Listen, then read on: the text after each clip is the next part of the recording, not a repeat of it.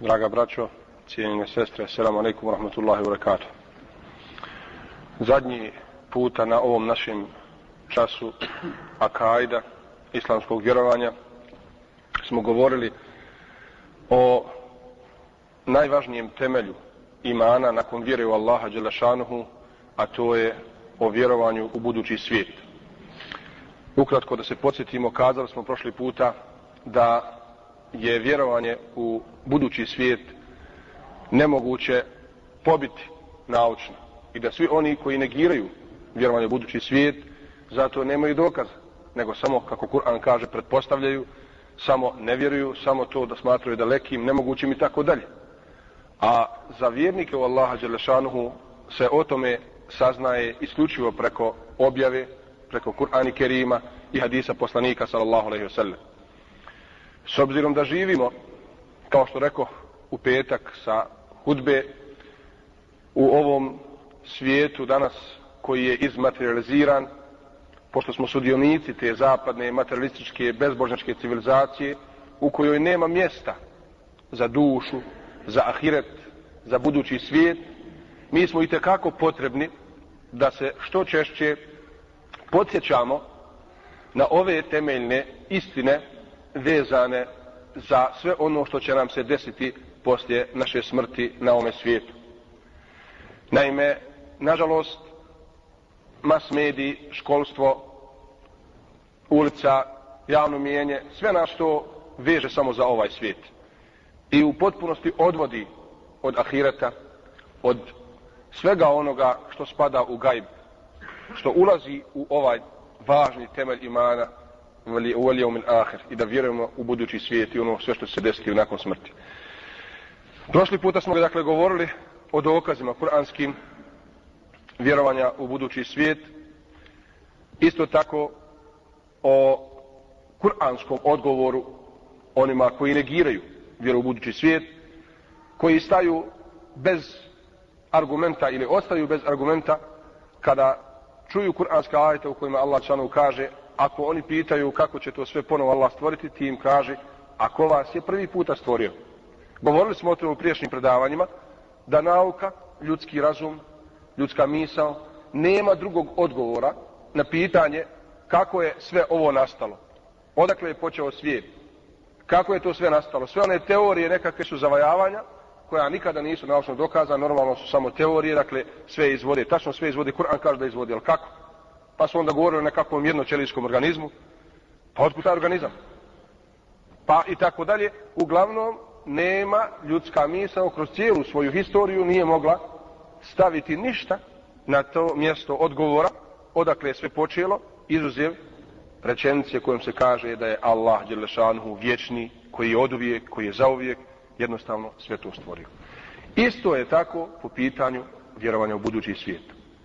Onaj koji je sve stvorio prvi puta iz ničega je kadar da nas ponovo oživi i ponovo stvori na budućem svijetu. I rekli smo da je velika razlika između čovjeka koji vjeruje u budući svijet, vjeruje da će odgovarati pred svešnjim Allahom Đelešanuhu za svaki svoj postupak u životu na ovome svijetu i da će takva osoba biti korisna i sebi i zajednici koji živi, da će biti moralna, čedna, poštena, i tako dalje. A suprotno njoj osoba koja ne vjeruje u budući svijet, koja ne vjeruje u budući svijet, će biti e, raskalašna, e, sklona raznim porodcima, užicima i ostalo, što i jeste dovelo zapadnu civilizaciju do ovog stupnja u kome ljudski život i čovjek nema nikakva dostojanstva. Nikakva dostojanstva i zato se najviše ubijaju, zato se odaju svim vrstima nemorala koji je u svim narodima, svim vremenima bio ovaj, e, e, dakle u očima ljudi nizak, nepoželjan, bio grijeh, oni to danas odobravaju i kroz države i zakone to podržavaju i tako dalje. To je normalan rezultat ljudi koji se udalje od Allahove upute, zapostaju vjeru u budući svijet, shvate da je sve što imaju na ovome svijetu, da posle smrti nema ništa i onda normalno da je da sve proba, da sve okusi, da sve izživi na ovome svijetu a onda ga ne interesuje šta će tamo biti, jer tamo nema ništa po njegovom ubiđenju. I dolazimo do te situacije, do tog haosa i nemorala u kojem se danas čovječanstvo nalazi.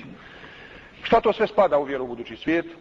To je opet jedno opširno polje.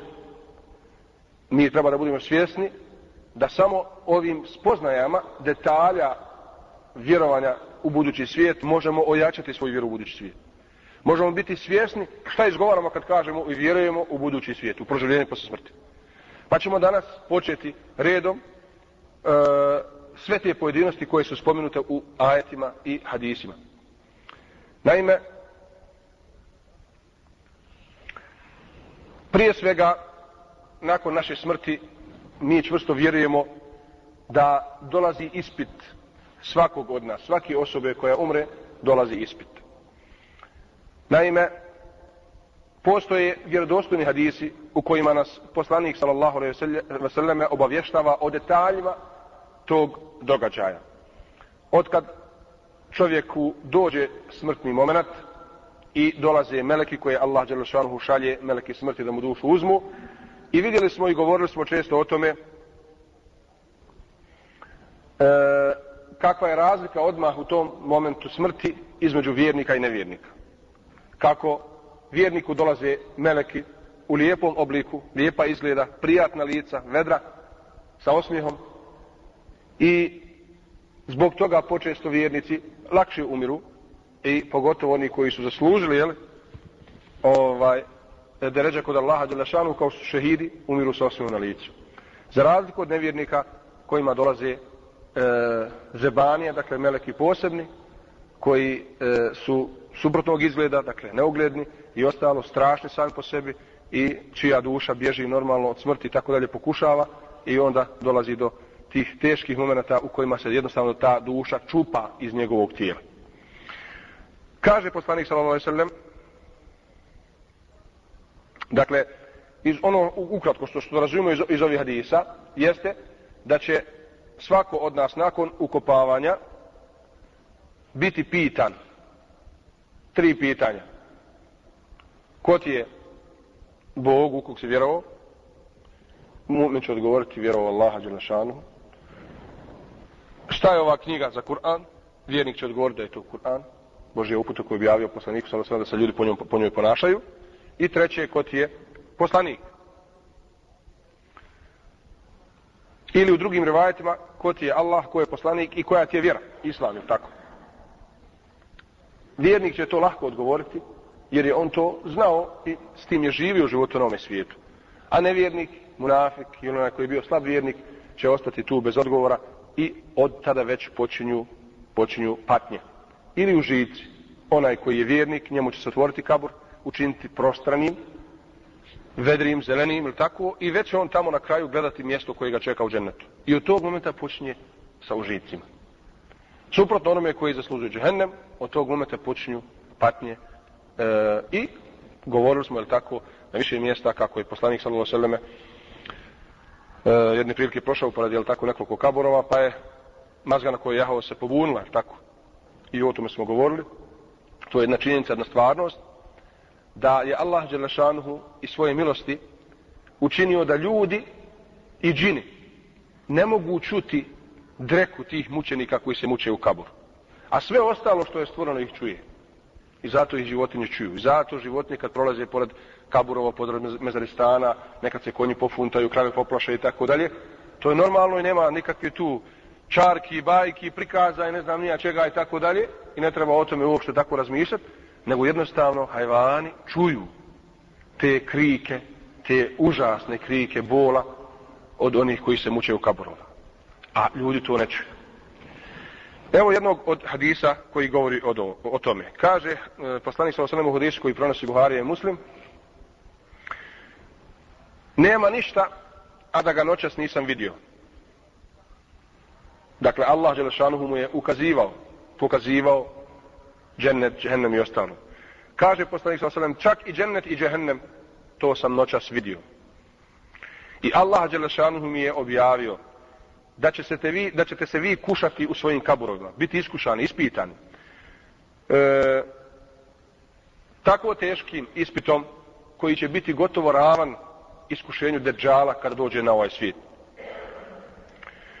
Pa će se svakom od vas reći, ma ilmu ke bi hadar rađun, šta ti znaš o ovom čovjeku? A mu'min će jednostavno odgovoriti huo Muhammedun Rasulullah. To je Muhammed, Allahu poslanik, sallallahu alaihi wa sallam. Dža'ana bil bejnati wal huda. On nam je došao sa jasnim dokazima i sa uputom. Pa smo ga mi prihvatili, odazvali mu se i slijedili. On je Muhammed, Muhammed, Muhammed. Tako će vjernik odgovoriti, kaže poslanik sallallahu alaihi ve sallam, tri puta. Pa će mu se onda reći, nam sariha, spavaj mirno. Kada imna en, en, en kunte lemukinan bihi. Mi smo zaista znali da si ti bio čvrst vjernik u Allaha Đelešanu njegovog poslanika. A što se tiče munafika, kaže poslanik sallallahu alaihi sallam, on će se zbuniti prilikom tog pitanja i odgovorit će la edri. Ne znam, se mi'tu nase je kurune šajan fa kultuhu.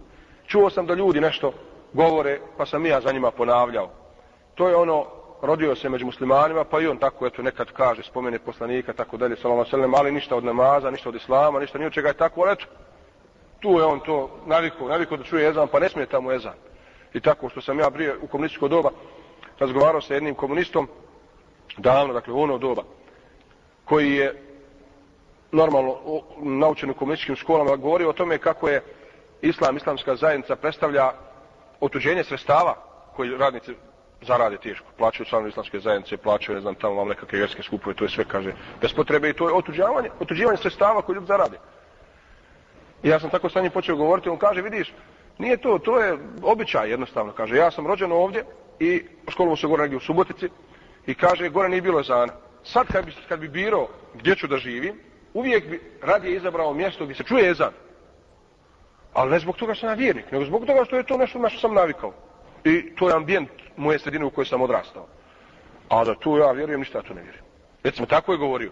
E, takvi su slični oni koji jesu muslimani samo onako. Po tome što jednostavno, eto tako, su muslimanske porodice, a ovamo sve dragomu. Dragomu, sve što rade nevjernici. Drag mu cuko u kući, dragi mu minići, dragi mu ovo, tako odgaja djecu, tako ženu voli vidjeti svoje žene traži i tako dalje, tako dalje. Znači, to će, ti će tada kad budu pitani ko je ovaj čovjek, nemam pojma, čuli smo tamo neki nešto govore, neki Muhammed, nešto, pa smo im govorili tako dalje. Dalje kaže poslanik sa Losanem u drugom hadisu, još preciznije, sve su ovo slikoviti opisi koji treba, ja to često podlačim, nama da posluži kao filmska traka. Scene, jasne, upečatljive, koje treba da se uražu u naše pamćenje, i da nas stalno podsjećaju, da nas stalno vežu za ahiret, za budući svijet, za kabur i tako. Zašto? Zato što će samo tako čovjek uspjeti da, usprav, da ispravno postupa u životnom svijetu. Samo tako. Svako onaj koji bježi od smrti, koji ne voli da sluša o smrti, koji ne govori o tome, koji kaže daj Boga ti pusti to, govorimo o ekonomiji, o nečem živom i tako dalje, znajete da je slab vjernik i da će takav najčešće biti lopov. I gdje god može okrenuti društveni metak, okrenut će. Tako je to.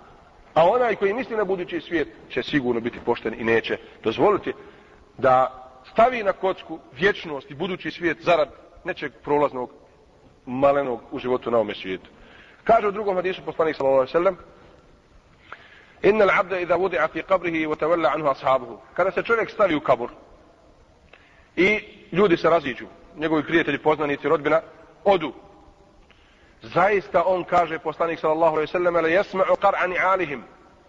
Čuje to pot ili čuje ona ili tako kako se kaže glasove ili to pot zvuke njihovih stopala njihovih njegovog hoda kako se udaljavaju od njegovog kabora tada kad se oni udalje i kad se vrati ili tako sve dolaze dva meleka pa ga posađuju da sjedne posade da sjedne.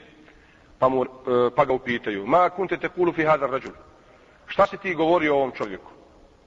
Kale fa amma al mu'minu fa yakul kaže poslanik sallallahu sallam, mu'min će odgovoriti ashhadu annahu abdullahi wa rasuluh. Svjedočim da je to da je on Allahu poslanik a sa Allahu robi njegov poslanik. فيقال له انظر unzur ila ila maq'adika min an-nar pa će mu se tada reći pogledaj svoje mjesto gledaj u svoje mjesto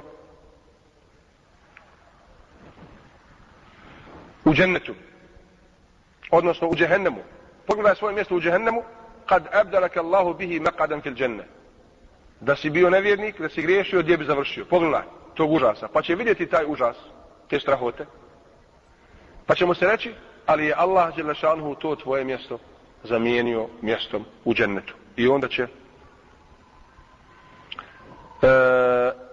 kaže poslanik sallallahu alejhi ve selleme vidjeti oba dva ta mjesta. Kala Qatada, wa zakara annahu yufsahu lahu fi qabrihi 70 zira'a. I tada će se nakon toga vjerniku učiniti prostrani njegov kabur.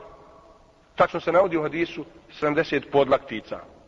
Znači koliko bi to bilo otprilike 20 metara, jel?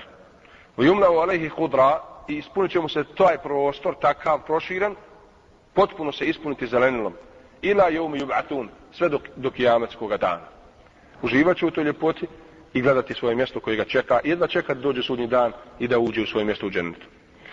Emar munafiku vel kafir, a što se tiče munafika i kafira, oni će se isto tako upitati šta si govorio o ovom čovjeku, a on će reći, e, on će reći la adri kuntu ekul ma ekul nas, ne znam, samo sam za ljudima ponavljao ono što su oni govorili, pa ćemo se onda reći la da rejte, vola te niti si znao, niti si htio da znaš, i onda će se udariti velikim metalnim maljevima, neće čekićima, nego baš ovdje maljevima, kako stoji u hadisu poslanika s.a.v. Samo jednom. I toliko vrisnuti ili dreknuti, kako mi to kažemo, da će taj njegov vrisak čuti sve što je na zemaljskoj kugli izuzev ljudi i džina. I još je puno hadisa koji na ovakav slikovit način prikazuju taj prvi moment ispita u kaboru i samog početka zagrobnog života. Života posle smrti. Kaže Allah Đelešanuhu يثبت الله الذين آمنوا بالقول الثابت في الحياة الدنيا والآخرة Allah Đelešanuhu vjernike učvršćuje čvrstim istinitim govorom na, u životu na ovome svijetu u fil ahire i na budućem svijetu. Odnosno, po komentatorima mnogih e, tefsira, ovaj ajet govori o tome kako Allah Đelešanuhu učvršćuje, ohrabruje, pomaže vjernika u njegovom životu na ovome svijetu, u govoru, u diskusiji, u njegovim namjera da prenese islam ili tako, pomaže mu da iznađe lijepe riječi, da iznađe lijep dokaze, tako dalje. Pomaže mu u diskusiji sa nevjernicima ako se diskutuje s njima i tako dalje, u borbi za islam. Isto tako ga pomaže čvrstim riječima, istinitim na momentu ispita na budućem svijetu koji počinje našom smrću. Pa Allah Đelešanu, dakle, vjernike tada pomaže. U idulu zalimin, u efar Allahu meša, a Allah zabludi ostavlja one koji su sami sebi e, ovaj, zulum učinili nepravdu, a to su nevjernici, jer najveća nepravda je širk, kufr, nevjerstvo Allaha Đelešanu, u efar Allahu meša, a Allah Đelešanu radi ono što on hoće. Dakle, prvo što spada u vjerovanje u budući svijet, jeste ovaj neminovni ispit kojeg će proći svi ljudi u kaburu nakon ukopa. Normalno postavlja se ovdje pitanje šta je s onima koji se ne ukopavaju, šta je s onima recimo koji poginu u nesreći pa im raznese eksploziju, uopšte nema, ne ostane tijela, šta je s onima koji ribe progutaju u moru, šta je s onima recimo i tako dalje. Potpuno svi prolaze kroz isti proces. Ovdje se govori o kaburu zato što je to većina, je tako? I što je to nešto što je pravilo. Ali isti ispit doživljava svako onaj bez obzira na koji način umro kako završio. Spaljen bio, progutala ga zvijeri, bi na bilo koji drugi način, Allah Đelešanuhu njega isto tako nakon njegove smrti pita, odnosno šalje meleke koga pitaju i taj ispit jeste sve obuhvatan i odnosi se na sve ljude nakon njihove smrti. I vjernike, i nevjernike, i monafike, sve te tri kategorije ljudi. Drugo što smo dužni vjerovati, a što spada u budući svijet ili u vjerovanju u budući svijet, jeste ta sama patnja kaburska i užitak u kaburu, o kome smo već malo prije nešto govorili. Ali se ta patnja spominje u Kur'anu i u drugim hadisima još detaljnije. Naime, kaže Allah Đelešanhu, govoreći o Faraonu i njegovim sledbenicima an naru yu'raduna alaiha guduvun wa ašijan Da se oni svako jutro i svaku večer izlažu vatri džehennemskoj. Wa jevme tukumu sa'atu adkhilu al Firauna ašadda al-adab. A kada nastupi dan, kaže Allah Đelešanuhu, onda će se reći, uvedite narod, odnosno Faraona i njegov narod, u još veće patnje, u najžešće patnje. Dakle, Allah Đelešanuhu majetu govori o tome kako se sada, svako jutro i svako večer faraon i njegovi sledbenici kažnjavaju. To je ta kaburska patnja zagrobna patnja. A na sudnjem danu će biti kažnjeni najžešćom kaznom. Dalje, kaže Allah dželle šanuhu: idi zalimuna fi ghamarati al-maut wal malaikatu basitu aydihim akhriju anfusakum al-yawma tujzauna azab al-hun. I kada meleki dođu na smrtnom času basitu aydihim pružaju svoje ruke dakle mučeći one koji su nevjernici i govoreći akhriju anfusakum dajte nam svoje duše pozivaju duše čovjek kada preda svoju dušu i tako dalje ali evo tujzauna azab adab hun. danas ćete vi biti kažnjeni i poniženi za ono što ste radili. Tako se obraćaju nevjernicima meleke kad dođu. Što znači danas ćete biti kažnjeni. Kažnjeni danas, dakle odmah smrću i nakon smrti. E,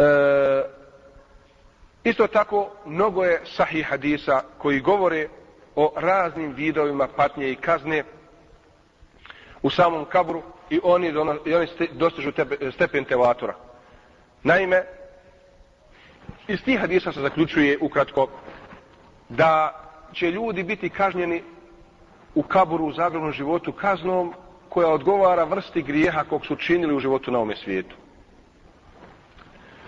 Pa onaj koji je bio, ne znam, koji je kamatu jeo, ima određena vrsta tamo, lijepo se navodi hadisima za takve ljudi koji su jeli kamatu. Onaj koji je krao tuđi metak, ima za njega određena vrsta i tako dalje, koja odgovara, koja je primjerena, pri, pri, primjerena vrsti grijeha kog je činio. Evo spomenut ćemo nekoliko samo hadisa na tu temu. Kaže Zaid ibn Sabit radijallahu anhu, jedne prilike smo sjedili sa poslanikom sallallahu alaihi ve selleme u jednom, jednoj bašći Benu Neđara, odnosno bili, išli sa poslanikom sallallahu alaihi ne sjedili, išli, a on je bio na, na mazgi koju jahao. Iznada je ta mazga skočila gotovo da ga zbaci sa sebe. Kad tamo ugleda smo pet, šest mezarova, kaburova. Pa je poslanik sallallahu alaihi sallam upitao men ja'rifu ashaba hadil akbur ima li među neko da zna ko su ovi što su ovdje ukopani? Pa je jedan od prisutnih rekao ene, ja znam. Pa je poslanik sallallahu alaihi sallam upitao kada su ovi umrli? Pa je on rekao umrli su još prije islama u džahilijetu, u širku. Pa je poslanik sallallahu alejhi ve rekao zaista se ovaj narod kažnjava kažnjava u ili kuša i kažnjava u kaburovima. فلولا أن لا تدافنوا لدعوت الله أن يسمعكم من عذاب القبر الذي أسمع منه da nije Allah propisao da se ukopavate u kaburove, ja bih zamolio Allaha Đelešanuhu da vam omogući da čujete ovu kaznu od ovih ljudi koji se sada kažnjavaju kao što je ja čujem. Summa akbala ina bi veći faqal, A zatim se okrenuo prema nama i rekao Ta'awazu billahi min azab al-qabr Tražite utočište kod Allaha Đelešanuhu i zaštitu od kaburske patnje ili kaburske, kaburskog azaba, kazne. Faqalu na'udhu billahi min azabu al-qabr e, Odmah, nakon što su to čuli, ashabi poslanika s.a.v. ponavljaju na glas Na'udhu billahi min azab al-qabr Allahu se utječemo i od njega tražimo zaštitu od kaburske patnje. Pa im kaže, zatražite utječište od, od džennemske, džennemske vatre. Pa oni odmah svi u glasu, na'uzu billahi min azabin nar. Allahu se utječemo od džehennemske e, vatre i tako dalje. Zatim kaže poslanik sallallahu alejhi ve selleme: "Ta'awuzu billahi min al-fitan ma zahara minha wa batan." Tražite kod Allaha utočište i zaštitu od svakog vida iskušenja, svih problema u životu na ovom svijetu. Pa su oni rekli: Na'udhu billahi min al-fitan ma zahara minha wa batan. Dakle, ovim gestom nas poslanik sallallahu alejhi ve selleme uči kako i mi trebamo stalno da tražimo i kažemo euzubillah, Allahu dragi sačuvaj nas neuzubillah, da kako mi to kažemo jel dakle džehennemske vatre kaburske patnje pa dalje kaže poslanik sa sahabima, ve i recite zatražite utočite kod Allaha dželle od iskušenja deđala koje će biti veliko i ogromno Pa su oni rekli u glas, ne'udhu billahi min fitnati deđal. Zaista se mi Allahu ćemo od deđala i njegovog iskušenja. Dalje, što se tiče same kazne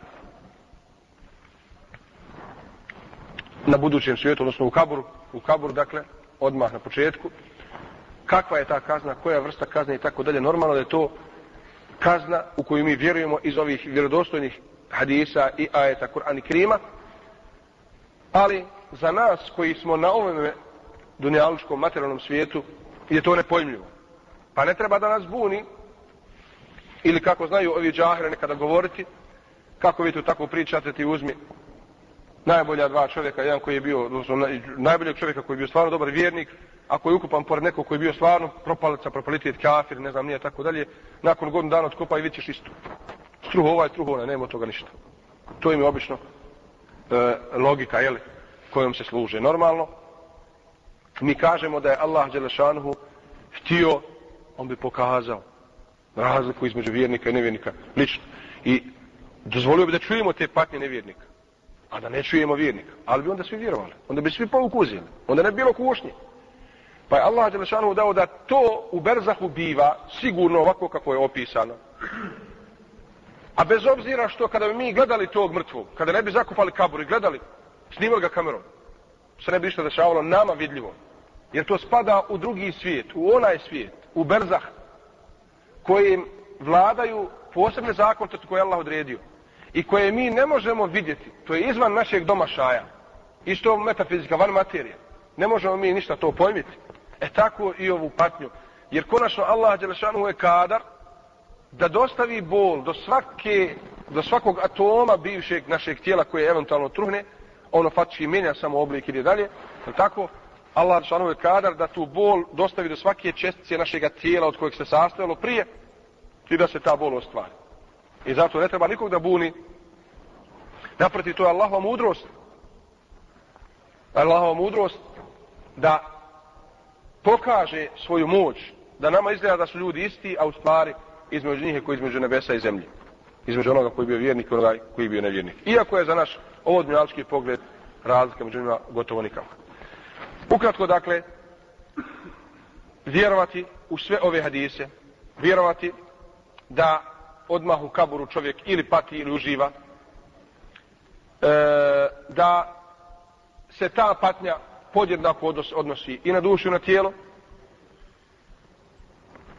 bez obzira što se tijelo raspada, ali Allah Đelešanu je kadar sve moguć i on tu bol dostavlja do, do svakog djelića tog bivšeg tijela, a svakako je akcenat i najviše pati duša, jer je u tom zagrobnom životu, e, dakle, duša glavna, kao što je na ovome svijetu bilo tijelo glavno, a duša je bila sporedna, samo slijedila tijelo, i mi ne znamo šta kod duš, u duši misli kakva je čija duša, u smislu da ne možemo je vidjeti, jel? ali vidimo njegove pokrete, njegovo tijelo. Na brzahu je obratno, duša je glavna, a tijelo samo slijedi, da bi, rekao sam i to ponavljam često, na sudnjem danu, nakon proživljenja, taj spoj, odnosno ta ravnoteža, taj sklad između duše i tijela bio potpun, 100%, i onda bi bili izravnati i dijelo, i tijelo i duša i to je taj najveći spoj tada čovjek može da doživjeti najveću slast najviši razum i najpotpuniji e, će biti upravo kada se bude proživljen na budućem svijetu. I zato će užitke u dženetu moći bolje osjetiti nego što ovdje to može i tako dalje. Dakle imamo ispit u kaburu a zatim patnju i uživanje u kaburu treće što smo dužni vjerovati a što spada u vjeru u budući svijet jeste jesu preznaci sudnjega dana. O tome smo govorili često i slušali ste, ali ćemo radi kontinuiteta proći, preći ukratko i ovo poglavlje koje jeste vrlo, vrlo važno. Naime, poslanik s.a.v. je štada prije često godina je nagovijestio predznake sudnjega dana. Ti predznaci se dijele na male i velike. Mi smo dužni vjerovati da će kraj ovoga svijeta sigurno doći i da njegov tačan datum niko ne zna izuzev srećnjeg Allaha Đalešanuhu i da je on to sakrio od ljudi čak i od samih poslanika. Kaže Allah Đelešanuhu, jes elunika ni sa'ati a jana musaha? Pitaju te u budućem svijetu o smaku svijeta, o kraju svijeta kad će on biti? Reci innema ilmuha inda rabbi. Zaista je to zaista to zna samo moj gospodar, la yuđeliha li vaktiha illahu i nikom on to ne otkriva. Thekulet bi samavati ul ard, la tatikum illa bagte. To će biti težak moment i za zemlju i za nebesa i on će vam sigurno iznenada doći. Iznenada doći, kaže Allah Đelešanu. Jes'alunaka ka'annaka hafiyun anha. Oni tebe pitaju kao da ti znaš, kao da si ti zadužen za budući svijet, odnosno za taj moment kraja ovoga svijeta. Kul innama ilmu inda, inda Allahi walakin aktar nasi la ja'lamun. Zaista to Allah Đelešanuhu zna, ali većina ljudi neće da to shvati.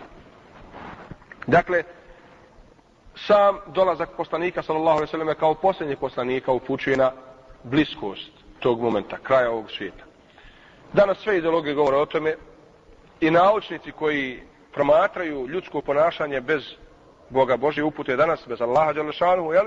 I njegove upute zaključuju da će ovakvim ponašanjem upropastiti sredinu u kojoj žive.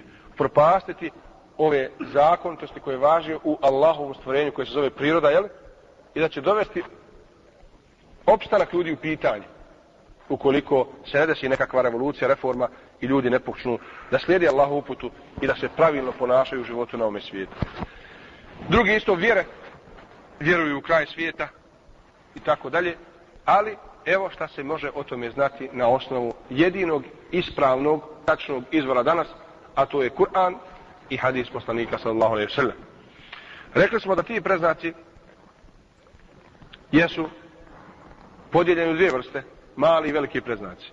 Mali preznaci sudnjega dana su mnogobrojni, u njih spada i poslanstvo poslanika sallallahu alejhi ve sellem koji je rekao bu istu ana vas sa'atu kahaten ja sam poslat a između mene i kijamskog dana ostalo još ovoliko.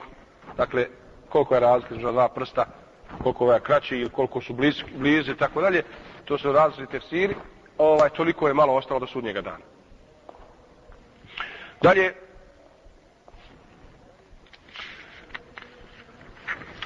mnogo, mnogo je tih hadisa koji govore mali preznaka sudnjega dana i što je interesantno, ja to uvijek tvrdim, uh, odnosno podlačim i napominjem, da su se svi ti mali preznaci sudnjega dana ostvarili.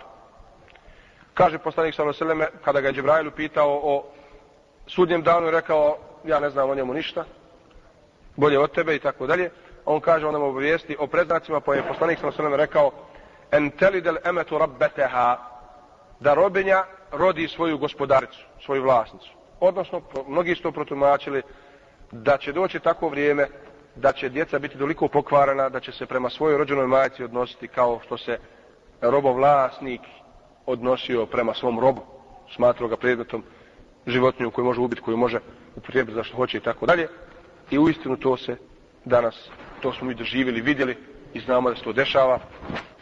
Dalje, en tera l'hufat al-urat al ala ri'a al-ša, i tatavno fil bunjan, da vidiš bosonoge čobane kako se nadmeću u visokim zgradama, što je uistinu aktuelno danas, ovaj, pogotovo tamo u ovim državama petrola, gdje je bogatstvo veliko, tačno se nadmeću ko će veći dvorac imati, ko će imati luksuzni dvorac, luksuzni namještaj i tako dalje, a uistinu su još beduini i to je inače interesantno da oni tamo bez obzira koliko bogat bio i koliko, koliki dvorac imao, obavezno u dvorištu napravi šator. I u šatoru odsjeda, prima goste, te, onako malo, Tako, jer beduini, naučili na to i gotovo. E takvi se nadmeću u visini svojih zgrada koje grade. Onda kaže poslanik sa oseleme, La tequmu sa'atu hata tatatile fi etan azimetan. Neće nastupiti sudnji dan dok se ne pobiju dvije velike vojske, dvije velike skupine u kojoj će mnogi poginuti, a bit će na istoj vjeri.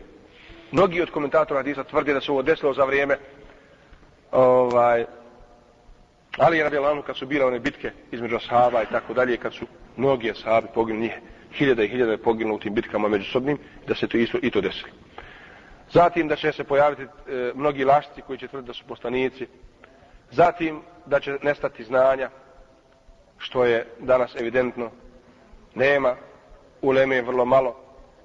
Tek su razilazili da će što više biti zemljotresa, zemljotresa, prirodnih nedača, nesreća, oluja, klizišta i tako dalje, požareva, svega toga smo svjedoci da je svake godine sve više i više. Vojete karabu zeman da će se da će vrijeme brže prolaziti, kako kaže poslanik što sada. Neće biti beričito vremena, neće imati ni za što vremena.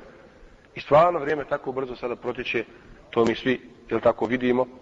Zatim, u drugom hadisu stoji u tetakarabu aswaq da će se e, čaršije dakle na tom ekonomskom planu svijet da će se čaršije približiti, zbližiti koliko da su na jednom mjestu a to vam je danas ta komunikacija, internet, kompjuter ili tako dalje i ostalo, da je mali cijeli svijet postao kao jedno malo mjesto i pomoću interneta se nabavlja, kupuje, dobavlja iz nadeljenih mjesta i tako dalje i tako dalje. E, dalje, da će se povećati broj poginuli, poginuli u ratovima, u, u stradanjima i tako dalje. Zatim da će se povećati imetak, povećati imetak, da će biti ljudi dovoljno bogati i siti. Danas je to i kod nas interesantno, je tako? Nikad nismo bili u lošijem stanju, a nikad nismo bolje živjeli, bez obzira. Danas ima auto, ko nikad nije imao auto, i, i daleko bolje nego što bila prije i tako dalje. Dakle, i to je nešto što, što je interesantno. Ono što je danas postalo nužda, uobičajeno kod najsiromašnijeg, nekada je bio luksuz za dobro stojećeg čovjeka. I tako dalje, i tako dalje. E, zatim, će se pojaviti toliki neredi, tolike smutnje, da će čovjek doći na kabur drugog koji umru prije njega, koga je poznavao, pa reći mu, ja lejte ni mekane, kamo sreće da sam ja na tvom mjestu. Od tolikog užasa, nereda, fitneta, iskušenja i tako dalje. Sve dok ne, ne iziđe sunce sa zapada, odnosno dok ne počnu veliki preznak sunnjega dana i dok se to ne počne odvijati. Dakle, u drugim hadisma se spominje mnogo, mnogo toga, između ostalog, dok vam ne bude, neće nastupiti sudnji dan, dok ne budu tolike iskušenja da vam bude ovo što je malo prije rečeno, draža, draža, dakle, draži kabur nego život na ovome svijetu. Pa onda će se rasprostraniti zinaluk, pa razne bolesti, e, puno će se alkohol piti, e, manje će biti ljudi, do te mjere da će, da će doći vrijeme u kome će biti e, 50 žena na jednog čovjeka. Dakle, toliko će se povećati broj žena, odnosno ljude koji će više ginuti i tako dalje. Dakle, taj poremećaj koji je već vidan i koji je već evidentan na, svjetskoj, na svjetskom planu općenito. E, I tako dalje, mnogi od tih malih preznaka su njega dana koji se svi bez izuzetka realizirali. Izuzev jednog koji se smatra najvećim od malih preznaka sudnjega dana, ili najmanjim od velikih, a to je hadis u Buhari, u kome kaže poslanik sallallahu alejhi ve sellem la taqumu sa'atu, hatta yuqatila muslimun al-yahud neće nastupiti sudnji dan, sve dok ne povedu muslimani veliki boj protiv jevreja. Fa yaqtuluhum al-muslimun hatta yahtabi al-yahud min ra'i hajar, pa će muslimani toliko poraziti i pobiti jevreje, da će se razbježati i sakrivati za kamen, za drvo, pa će svaki kamen i svako drvo progovoriti o muslimanu, o Boži robe, evo ga sakruj se za mene, dođi i ubij ga. Izuzev jednog drveta koji se zove Garkad, jevrejsko drvo, koga oni sad forsiraju, sade, masovno, svugdje stignu, misleći da će im pomoći, ali im ni ono neće pomoći, jer će tada svi jevreji biti ubijeni. To je ono što sad slijedi. Rekao sam, ko dobro prati hadise poslanika, sallallahu sallam, ko ima ovo na umu, i onda poveže to sa stanjem u svijetu. Vidite, mi sad tek otkrivamo neke tajne, jer se tek posle 50 godina, 50 godina, 70, neki dokumenti tajni otkrivaju, tako je to pravilo nekako međunarodnoj zajednici. Tek se sada jasno zna da su i Marx, i Engels, i Lenin, svi bili jevreji, odnosno služili vrema, svi bili masoni i tako dalje. Da je preko 75% u centralnom komitetu Komunističke partije Sovjetskog savjeza bilo jevreja. I da je bila samo iluzija nekakav rat između Rusije i Amerike, između ta dva pola, te dvije sile, vele sile i tako dalje. Nego je to samo smišljeno napravljeno od tih jevreja koje Allah prokleo zbog njihovog odnosa prema poslanicima i bio je obdario i pameću i drugim nad ostalim narodima da tu svoju blagodat iskoriste u pokornosti Allahu Đelšanu, oni to odbili i oni su postali šetanovi blizi njegove sluge i danas su vođe zla u svijetu. Vođe zla u svijetu. I oni stoje iza svih ovih projekata. Oni su došli na scenu industrializacijom, kada je industrija došla je tako, uh, uh, udarila ili ve, zadala veliki udarac feudalizmu, je tako, poljoprivredi i ostalome, oni su na vrijeme se pre, pre, pre, prekvalifikovali, tada su znali od feudalaca pozajmiti pare, pa kupovati mašina i ostalo, pa im posle toga prodaju, odnosno vrate pare, a onda i kupi sve što imaju za proizvode koje su oni proizvodili, tako dalje. Tako i dan danas, sad je recimo drugi vid revolucije, preokreta, sa ovog običnog klasičnog načina rukovođenja na kompjutere, kompjuterizaciju, programiranja i ostalo i tako dalje. U tu su isto pretekli svijet ostali i drže i formirali su sve te vlasti i tako dalje koje u potpunosti služe interesima jevreja. Cijeli zapad. Sve zemlje na svijetu. Sve zemlje na svijetu preko zapada koje su pod ucajem zapada na ovaj ili način u krajnjoj liniji kada bi malo bolje prostudirali služe državi Izrael i gradnji te države. Ovaj hadis je hak, istina. Dakle, da bi jevreji bili svi pobijeni, oni se moraju sakupiti na jedno mjesto. I gradi se država Izrael. Evo, to se obistinje. Ko, ko prati ove hadise, vrlo dobro razumije dešavanje u svijetu. Vrlo dobro. Dakle, prije 50 godina je osnovan Izrael. 48. Gdje? U Palestini. Rak rana. Nemoj svojeg teritorija mišta. Tako. To je zavjera koju je vodila Engleska i tadašnje velike sile. I to se realizuje. realizuje. I počinu se sakupljati, ili tako? Otkuda ta zemlja da živi? Nema nikakvih posebnih bogatstva. Mala, grudica. Čir u jednoj drugoj državi. Najjača na svijetu. Najveće naoružanje imaju. Ja sam bio u Francuskoj 94. godine u Strasburu. To kako Strasburu, kako oni kažu, onaj politički centar Evrope, predstavnica politička Evrope, ili tako, ova parlamentarna stvar, parlament Evrope, te ujedinite i tako dalje. Tamo ima jedan veliki poznati univerzitet u Strasburu. Bio sam kod jednog profesora muslimana koji kaže ovako. Na ovom univerzitetu postoje najpoznatije laboratorije na svijetu. Najpoznatije laboratorije na svijetu. U kojima se vrši razni eksperimenti, hemijski i tako dalje i ostali. I prvi su, dakle, u svijetu u tome svemu. Ali, sva dostignuća do kojih se dođe na svim tim laboratorijima, na svim tim institutima za istraživanje, istog momenta bivaju proslijeđena faksom sada e-mailom u Izrael i u njihove centre moći tamo i oni koriste saznanja i dostignuća cijelog svijeta. Tako su uredili danas. Ovaj. I kažem sakupljaju se tamo, normalno tamo se nudi med i mlijeko, tamo imaju sve, što nisu svojim zemljama imali, idu iz Etiopije od ozdu, idu iz Sovjetskog saveza od ovuda, idu sa svih strana, iz Afrike, tako iz Jemena, svi svi. Otišu su odavde neki i tako dalje. To je realizacija tog hadisa. Međutim, mi iz ovog hadisa razumijemo normalno još hadisi koji to pojašnjavaju, razumijemo da će muslimani tada biti spremni da se suprostavi vjerejima. Sad kad bi se pobili s njima, to samo Allahom moć može da tako pomogne, a inače, prema tome, trebaju se svi sakupiti, da bi se sakupili, trebaju da vladaju svijetom, već zavladali i već realiziraju tu taj projekat sakupljanja na jednom mjestu. Da bi muslimani odgovorili vrijeme, treba da nastupi reforma u islamskom svijetu, koja je već počela. Naime, muslimani, zapamte što ću vam reći, bez obzira što je ovako jadno stanje, i kod nas ovdje vidite vi, naši muslimana glasaju za komuniste. Naši muslimana peku krmetunu, tako čuli ste tamo i čitali ste u preporu i tako dalje. Naši muslimana slave Titu. I neku knjigu, novu, novi aspekt Titove ličnosti koji nije do sad osvjetljen, napisao musliman. Nema nijednog dva. Sve muslimani. Zato što su prazni, su nikakvi muslimani. Bez obzira, kažem, na to stanje, islamski svijet u globalu danas živi fazu preporoda. I već je ta dekadenca, to opadanje, završeno. Islam je jedina vjera danas u ekspanziji. I muslimani se bude kao narod. I ovdje kod nas, bez obzira na sve, ipak je stanje, barem kod jednog manjeg broja ljudi u ovoj državi ovdje, u ovom društvu našem, bolje nego što je bilo prije rata, kad je pitanje islam. Ono što ima vjernika su svjesno vjernici, ne samo nakon ponastisti.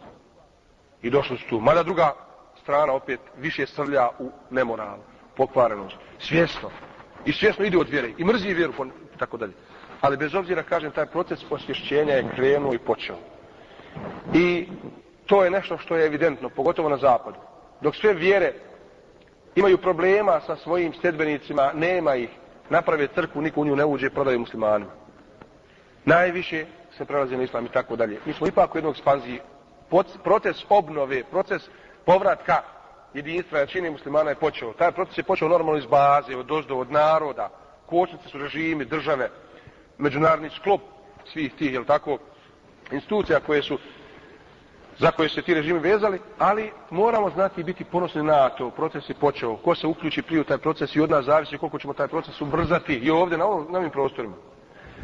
I u tom smislu kažem, razumijevajući ovaj, razumijevajući ovaj hadis, muslimane treba da je ojačaju i da dođu do te deređe da povedu cijeli svijet, da se objedine i da pod jednim bajrakom krenu na izgled.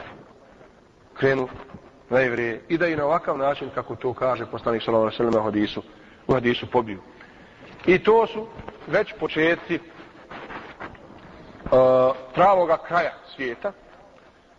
Naime, nakon toga dolazi dolaze veliki, takozvani veliki preznac njega dana, koji je ukupno pet, ako se ne varam. Prvi od tih velikih predznaka sudnjega dana jeste Dejjal. Pojava Dejjala, pojava Isa alaih salama, pojava ljudima Mađuđa. To će se sve desiti otprilike zajedno. Naime, kada ta velika bitka nastupi, kada muslimani budu istinski muslimani, ga petka proučimo suretu Kehf. Kehf suru koja se nalazi tačno na sredini Kur'ana, tačno na sredini Kur'ana i koja govori koja govori o tim iskušenjima, o džuđu i međuđu, govori o, o tome kako će to biti i tako dalje. O deđalu isto tako. Čak kaže poslanik sallallahu da su prvih, a po jednim rivajetima zadnjih, dakle prvih ili zadnjih deset ajeta štit od deđala, zaštita od deđala. I ko stalno uči svakoga petka suru, el kehf, ako baš ne može cijelu suru, da barem prvi deset, zadnjih deset ajeta, on će, inša Allah, ta'ala, biti zaštićen od deđala ukoliko se deđal pojavi u njegov vrijeme. Dakle, pojavit se deđal koji se upisuje u hadisima poslanika sallallahu koji su mnogobrojni i dugi hadisi koji govore o tome kako će izgledati ružno u vidu jednog velikog čovje, bića sličnom čovjeku koji će biti čelo na jedno oko, koji će jahti na magarcu, biti ružna, izgleda to potpuno i tako dalje, i koji će imati ogromnu moć iskušenja. Allah će mu dati da onih ljudi, recimo, dođe do jednog sela, do jednog mjesta i poziva ljude da vjeruju u njega, kao Boga. Oni koji odbiju, on će narediti nebu da ne spušta kišu, Na izolače suša kod njih, zamislite. Onima koji, zasli, koji ga povjeruju i budu slijedili, otvori se nebo, nebo se otvori, kiša pada, imaju sve tako i tako. Do te mjere. I samo će istinski vjernici ostati ostati na pravom putu i neće podleći pod, njegovi, pod njegovim iskušenjima. Naime, kako stoji u hadisu poslanika sallallahu da će svaki mu'min prepoznati na njegovom čelu napisano kafir, kufr, kefara i tako dalje, nevjernik i da neće nasjesti. Do te mjere da će imati moć da oživljava mrtve, odnosno do, uzet će mladića pa će ga pilom prepoloviti na pola i onda mu ga pozvati kao oba dva dijela da ustanu i mladić će ustati živ. E, imaće mogućnost da na izgled oživi mrtve, jeli, u smislu da čovjeku kaže, hoće da razgovara s svojim roditeljima. I pozove on dođu, on razgovara, vidi i razgovara svoje roditelji, vidi i tako da. Koji su umrli davno, recimo, 30-20 godina i tako dalje. I tako dalje. To su ogromne iskušenja. I kako je bio jedan moj veliki ahbab, koji je samo zajedno studirao iz Turske, pa je e, molio Allaha Đelešanuhu da ga učini sljedbenikom Mehdije, odnosno vojnikom od vojnika koji će koji će voditi Mehdija u borbi protiv Ireja tada.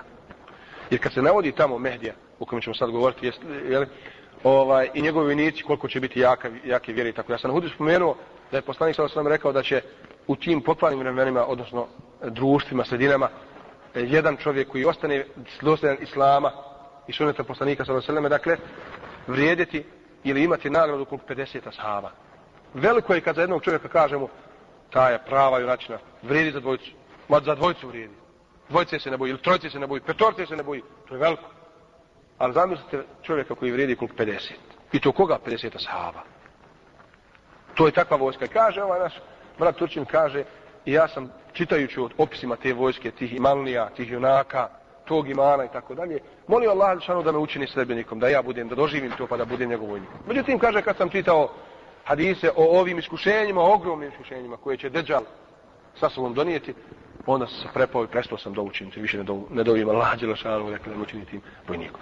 E to je mu'min, vjernik tako, normalno želi ono što je dobro i odmah bi to da ima, a ono što je zlo što je loše, od toga traži zaštitu kod Allaha Đelešanu.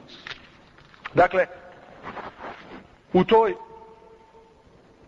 borbi ogromnoj će se pojaviti Deđal i pomagati jevrejima, isto tako je Džuđi Međuđ, koji će se otvoriti u suretu kada se spominje tamo, tako, po nekim komentatorima Kur'ana se alaudira, mislim, misli se tamo na onaj dio evo, i sovjetskih republika, tamo negdje da Kaukazu, gore negdje oko naših Čečena, postoji taj ta planina koja je zaljevena onako kako navodi Kur'an, kako je to uradio Zulkarnein, da je dva brda spojio bronzom, odnosno tim posljednim čelikom koji je, jer tam poznat, poznato je po nauci kad se e, željezo doda, ne znam kolika, koliki procenat bronze, da je to najjače i tako dalje. Sve su to detalje o kojima neću puno da govorim. Čitajte, vidite u prevodu Kur'ana, pa malo porazmislite o tome, pa ćemo porazgovarati pojedinačno i tako dalje.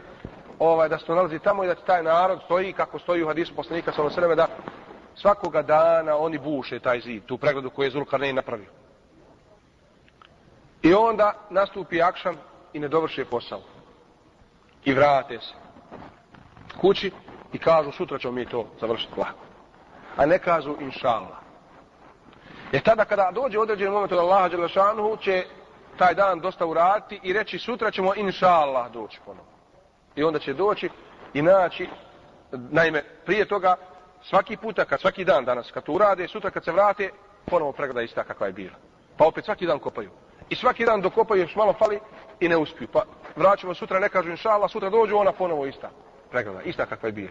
Sve dok Allah ne odredi da kažu, a sutra ćemo inša Allah doći i nastaviti dovršiti ovo i onda će sutra doći i naći onako kako su ostavili juče i uspjeti probiti u pregledu i pojaviti se u tako masovnom broju da će ih biti daleko više nego što mi možemo zamisliti komaraca, skakavaca i bilo čega, jel? I da će popiti svu vodu na koju najđu, da će pojesti svu zelenu do koje dođu, ovaj, sve šume obrstiti, ili tako, sve trave pojesti, čitava jezera, kompletna, ispiti ili jedan put, samo dok se jednom napiju vode, tako da će posljednji, kako stoji u hadisu, koji dođu posljednji do jezera, kazati ovdje izgleda nekad bila voda. Potpuno će presušiti, dok samo pruđu, tako da. Međutim, za uzvrat, tu takvu časnu, veličanstvenu vojsku mu'mina, vjernika, koji su na Allahovoj strani, odnosno na čijoj strani Allah Đelešanuhu, daleko iznad svih tih sila, svete, mase i tako dalje, će povesti Mehdija, koji se opisuje u sahih hadisma poslanika sallahu alaihi sallam, koji će nositi ime isto kao poslanik sallahu alaihi sallam, ime oca isto imati kao ime e, oca poslanika sallallahu alejhi ve sellem, će se u Medini, a onda će doći u Meku iz Mekije povesti. E sad tu ima dosta detalja koje treba pojasniti. Detalja, ako nekad budemo imali vremena, obradimo ostale teme, pa ćemo možda vratiti detalje. Tamo se navodi interesantno je to da tu neće biti puno vojske. Da će im noći svi stat u safove između Mekam Ibrahima i Kabe. Ko je bio na hađu, vidio gdje je Mekam Ibrahim blizu Kabe. Nema, ima, ne znam, pet metara od Kabe. I sad, s obzirom da je prostor širok, pa možda nekoliko stotina ljudi ne može stati, ništa više. Znači, toliko malo biti srednika Medije a će biti snažno. I onda će ojačat. I tako dalje, navodi se u hadisima da će prvo razriješiti račune među sobom. Pa će krenuti prema Perziji, prema Turskoj danas. Mi tek sad razumijemo taj hadis. To, to će prvo islamske zemlje. Kako? A vidi Turske. Kako se dešava u Turskoj, kako se proganja islam više nego na zapadu. I tako dalje. Da će trebati ponovo oslobađati. Ponovo Istanbul oslobađati. Tako da I onda će ta vojska islamska krenuti prema Jerusalimu i sukobit će se sa tim svim zlim silama je tako i onda će Allah Đelešanuhu poslati u pomoć toj vojsci Isa a.s. koji isto tako je jedan veliki preznaka sudnjega dana Isa a.s. u tim vremenima će se pojaviti onaj u stvari posle toga dolazi Isa a.s. tako je Isa a.s. dolazi i pobjedit će muslimani Isa a.s. će tako ubiti deđala dokinuti kršćanstvo svi će povjerovati ispravno u Muhammeda s.a.v. jer će Isa a.s. slijediti Muhammeda s.a.v. njegov šerijat tako dalje i onda će nastupiti vladavina Isa alejhi za koju znate, o kojoj ste čuli ili tako, 40, rekao je poslanik sa osanem, ali nečega, godina, dana, ne znam i tako dalje, uglavnom jedan određen period će nastupiti vladavina Isa alejhi. Tako, da će Allah Đelešanuhu dati, da se posle svih ovih nereda, posle sve ove zlobe do koje je čovjek došao bez Allahove upute, ponovo sve vrati na prave osnove i da će zavladati red i blagostanje na zemlji takav sklad i harmonija, kakav bi bio da su ljudi istinski štovali Allaha Đelešanuhu u svakim dobima i svim vremenima, da će vuk spavati prodavaca, neće ih dirati, da će ljudi spavati noću i kiša padati, a danju raditi i tako dalje, da će toliki beričet biti u voću, površu i ostalome, da će od jedne naranđe moći nekoliko desetina ljudi da se nahrani. I da će ispod ljudske, one naranđe koja je ovako u luku, ili tako kad se naranđa guli, onako kako gulimo klasično, ispod te bačene ljudske, ljudske moći proći konjenik s kopljem na konju. Tolika će biti ta ljuska. Tamo ima ovaj opisao hadisu koji su vrlo jasni da će čovjek da bi došao da će onaj uzeti ljestva i popeti se na naranđu gore, jel tako, pa potvoriti gore otvori, dozgo vaditi to i snositi pomalo koliko kome treba, tako u kantama, tako da je naranđe. Eto tako, baš bukvalno se spominje u hadismu poslanika. Znači, toliki bi da će biti. I da bi taj beričet isti danas bio kad bi ljudi bili pokorni Allahu Đelešanu. Isti, nimalo manji. I ne mora to biti na cijeloj zemaljskoj kugli. Može to biti i sada. Kad bi se našla grupa mu'mina vjernika, istinski Allah štovali i živjeli u takvoj sredini na takav način. Dakle, Allah Đelešanu će svoje mudrosti dati da se posle svega ovoga ipak dovedu stvari na svoje osnove i da se pokaže ljudima šta znači Allahov pokornost i život po njegovim propisima. I onda posle toga će postepeno opet nakon smrti Isa a.s. oslabiti ljudi i pokvariti se. Kao što je to otprilike danas na zapadu, malo još više, je tako, da recimo u jednoj Švedskoj uopšte ne znate, da se ne zna ko je čiji. Tamo govori ovaj, o, o tim silovanjima svoje sobstvene djece i ostalo. Pa smo razmišljali o tome i jedan od ahbaba lijepo reče, pa nije to ni čudno. On možda ne siluje svojeg čerku, ko zna čija je ona. On je formalno samo sa tom ženom i tako da. Čuje ko je čen. Dakle, uopšte se ne zna za porijeklo. Već je to izgubilo se, nema porijekla, nema familija, nema, nema toga. E tako nešto slično se navodi da će biti pred sami kraj sudnjega dana, kada će nestati namaza, nestati Kur'ana, nestati tako dalje. I onda će Allah šanu dati da puhne blag vjetar koji će uzeti dušu svakom mu'minu i onda će nastupiti ti veliki. Tada će se pojaviti žem, e, životinja iz zemlje, dabetul ard koja se spominje u Kur'anu Kerimu, koja će govoriti ljudima da vjeruju, oni neće vjerovati. Kaže Allah subhanahu wa ta'ala: "Waqa al-qawlu alayhim akhrajna lahum dabbatan min al-ardi tukallimu anna an-nasa kanu bi ayatina la yuqinun." Kada Allah odredi htjerne, onda će izvesti životinju iz zemlje koja će ljudima govoriti da e, nisu vjernici, da nisu vjerovali tako dalje. Dakle, pozivaće i govorit će im, razgovarat će sa njom otvoreno. To će biti znak koji, koji će biti dokaz pred svi ljudi. Svi će ostati bez teksta pred tim znakom.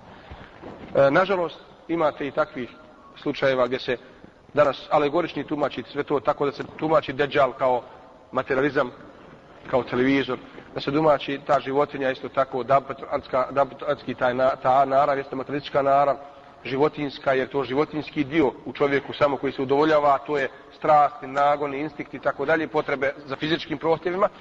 I tako imate ljudi koji, ja sam slušao jednog koji kaže, izišla je životinja, gotovo, pojavila se. Ne znam, Deđal je tu, već tako dalje, Mehdija je tu, i tako, Kjametski dan je tu negdje, i tako dalje. I imate svega toga, međutim, sve su to kriva tumačenja i shvatanja ovih hadisa, oni su tako jasni, da treba da se desi ta bitka tek posle bitke te Mehdija i ostalo, odnosno u toj bitci ili tako dalje. E, I onda, posle toga, dolazi jedan od zadnjih, odnosno najvećih preznaka sudnjega dana, a to je izlazak sunca sa zapada, kada će više prestati važiti teuba pokojanje, odnosno kad se pojavi životinja iz zemlje i sunca za zapada iziđe, to će već predstavljati početak raspada sistema koji funkcioniše. Tako da će se raspasti. To nauka na svoj način govori vrlo interesantno i uklapa se sa ovom predstavom o tim, e, tome kako se svemir širi, širi, širi i onda će doći do momenta gdje će se sabiti ponovo. Ponovo sabiti. U jednu tačku i onda će biti obratno, iziđe sunce za... i tako dalje. O tome ne bi puno jer to, to je relativno za nas, ali kao vjernici vjerujemo da je to hak istina i da će se to desiti i da će Allah Đelešanuhu izasuti strahote nastupanja sudnjega dana. Samo na takvi ljudi koji uopšte neće znati za la ilaha illallah, e, nego će govoriti tamo nekada neko je bio među nama koji je to govorio, koji je to znao i tako dalje. Isto osjećam se kad su došla grupa izbjeglica naših dota od Doboja, od Banja Luke i tako dalje, pa gore u Travniku za vrijeme rata i sad sve starije osobe. Ma, znate, nisu omladno puštali i tako dalje. Ima starijih ljudi, muškaraca i žena i tako. I pitamo mi šta ima, kako klanjate ili ovo ostalo, tako kažu, ne znamo, vidite onog starog, tamo možda on zna i tako dalje. E to mi je tako lično. Možda neko, čuli smo nekog tako. Stari u kačketu, šta ima, pa eto zna za džumu, treba da se džuma klanja tako dalje. To smo mi, to je to, to, je to stradanje, koje je prije stradanje bilo i tako dalje. E, dakle, Allah Đelšanu će i zasuti te strahote samo na najgore, na najgora stvorenja. I onda će Israfil puhnuti u sur u rog i pomrijeći sve što je živo, a zatim puhnuti drugi puta i oživiti sve to i nastaje sljedeća epizoda, a to je proživljenje posle smrti i obračun dakle, nastupanje budućeg svijeta, konkretno što bi bila ako Bog da tema našeg sljedećeg predavanja. Ja bih se molio ovdje zadržimo, ako hoćete na ovim detaljima, i ako ima neko od nešto od vas da pita, da kaže po ovim pitanjima, ali imamo ovdje dosta, e, dosta ovaj hadisa, pa možemo nešto od toga, nešto od toga izabrati da kažemo. Naime, kaže Allah šanuhu, evo nekoliko ajeta za početak, hel yanzuruna illa an ta'tiyahum al-mala'ikatu aw ya'ti rabbuka aw ya'ti ba'd ayati rabbik. Kaže, šta oni čekaju? Dakle, zašto ljudi ne vjeruju? Zašto se ne okreću vjeru? Zašto se okreću od vjere? Zašto? Kaže Allah Čanuhu, šta oni očekuju? Da su da im dođu meleki, da im se pojave javno da im govori. Dakle, neobičajan dokaz. Ili da dođu drugi Allahovi znakovi. Jevma jeti ba'du ajati rabbika la yanfa'u nafsan imanuha lam takun amanat min qabl. Međutim, kada ta ajata, kada ti Allahovi znakovi dođu, onda onome koji dotad nije vjerovao neće koristiti. Kad se pojavi životinje iz zemlje počne govoriti, gotovo je, onda će svi biti vjernici. Kad se sunce pojavi sa zapada, gotovo je, onda će svi kazati, a vjerujemo. Ali im tada vjera neće biti prihvaćena i neće imati nikakve vrijednosti. Lem tekun tamo min qabl wa kesebet aw fi imanihi khaira kul intaziru inna muntazirun. Recite njima ovo poslaniće, dobro, čekajte. Vi ne vjerujete, nešto. Čekajte, mi ćemo čekati. Ali vidjet ćemo. Vidjet ćemo kako će se to završiti. Dakle, isto tako spominje se ovaj, u Koranu izlazak životinje zemlje. Isto tako se spominje i Isa a.s. indirektno. Kaže poslanik s.a.v. u qawlihim inna qatala al-masiha Isa ibn Maryam ispomenuti ono što tvrde kršćani kaže Allah šanu poslaniku s.a.v. E, za Isa ibn Marijama, sina Marijinog, Allahog poslanika, oma kataluhu, oma salavuhu, lakin šubbihe lahum, ali znaje da ga oni nisu ni ubili, ni razapeli, nego da im se samo to pričinilo. Wa inna allazina ihtalafu fihi la fi shakkin minhu. Ma lahum bihi min ilmin illa tiba'a dhann. Oni o tome nemaju nikakva dokaza, nikakva znanja, nego samo slijede pretpostavke. Ovo je jasan dokaz Oma qataluhu yaqina. Ponavlja Allah šanu, oni ga sigurno nisu ubili. Ber rafa'ahu Allahu ilaihi, nego ga Allah uzdigao ili podigao sebi. Wa kana Allahu azizan hakima. Zaista je Allah mudar i moćan. Wa in min, ahli kitab illa li yu'minanna bihi qabla mawtih. I ne postoji ni jedan kršćan, a da neće u njega povjerovati prije njegove smrti. Dakle, ovdje Allah govori Isa alaih salam, da će kada dođe i prije nego što umre svi kršćani povjerovati. I to je ono što smo govorili kako stoji u hadisu, da će razbiti krst da će ubiti svinju, da će dokinuti džiziju, da će svi kršćani postati tada muslimani, odnosno povjerovati istinski u Isa a.s. i Muhammeda s.a.v. i e, biti njegovi sledbenici. I onda će posle toga umreti prijednom smrću. Ima ovdje E, uh, interesantnih tumačenja U jednom ajetu se spominje kako je Allah Đelešanuhu uzdigao sredbenike Isa a.s. Uzdigao, počastio. Pa sam nažalost kod nekih muslimana koji se ovako teoretski bave proučavanjem Kur'ana, nemaju praksije ništa, nisu neki vjernici. A taj ajet uzeli kao dokaz da su kršćani na posebnom mjestu, da su uvaženi, da su dobri, da su kod Allaha na velikoj deređi do sudnjega dana.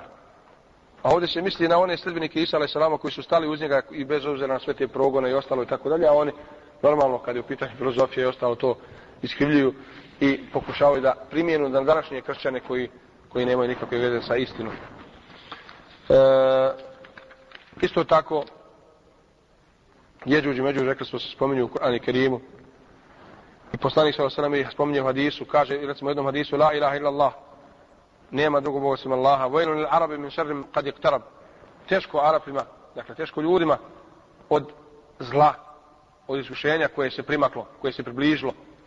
Futiha li jeum min radmi jađuđe međude mislu hadihi. Danas je se ovoliko, kaže poslanik sallallahu alejhi ovoliko otvorilo, odcijepilo te pregrade jađuđe i međuđe. U halaka bisma ovako ustali, ne ovoliko, nego je on napravio halku, dakle ovako je napravio između dva prsta, ovoliko.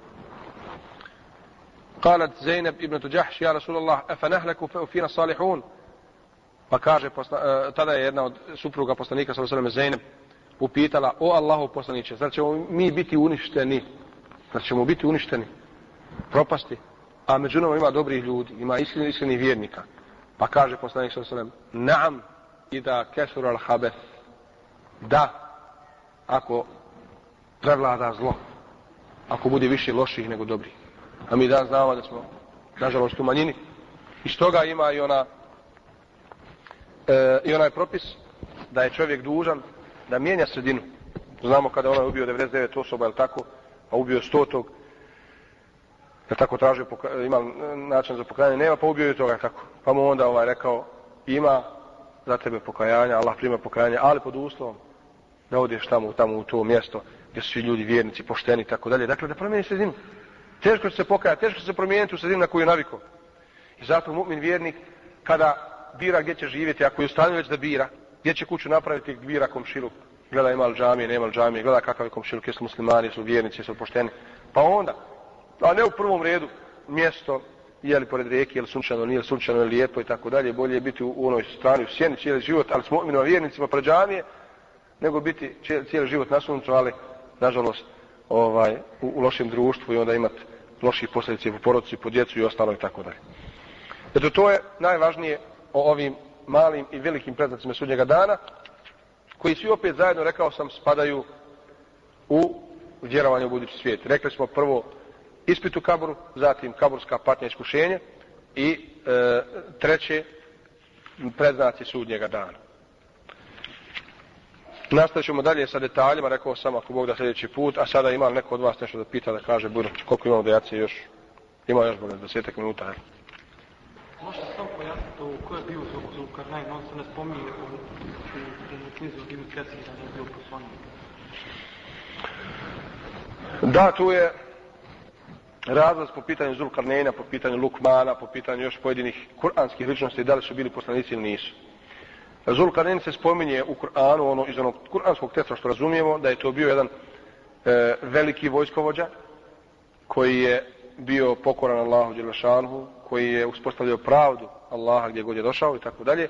I kako se navodi, koji je dakle širio vjeru Allaha Đelešanhu gdje god je došao osvajao i koji je zavladao svijetom, jedan od rijetkih rodara koji su zavladali cijelim svijetom. Jel?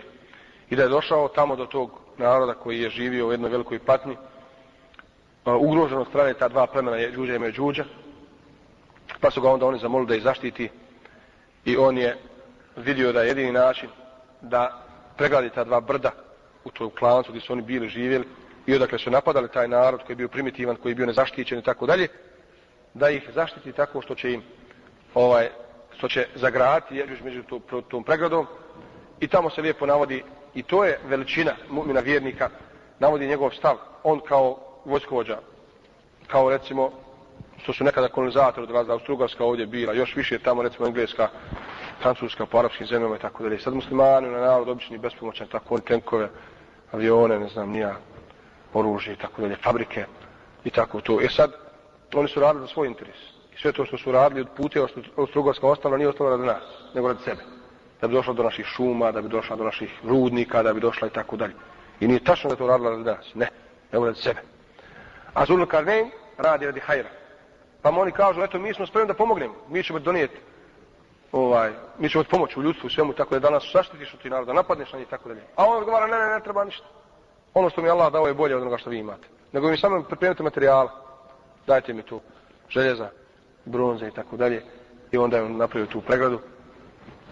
Pregradu zaštitio taj narod, ta plemena od jeđuđe Međuđa i eto o toj pregradu se radi i govori u hadijesima poslanika sa osvrame da ona svaki dan biva probijan od strane tih plemena koji su mnogobrojna. Jel? Šta su ta plemena? Koji su to narodi? Da li se to može protumačiti kao što neki to, to su žuta rasa, tamo se navodi nekim da su im, da su žuti, da su niski, da su široka lica, tamo ko Mongoli, ko ne znam nija, iz tih istočnih republika i tako dalje. Međutim, sve je to nedefinisano i neprecizno i ne možemo mi ništa konkretno tvrditi.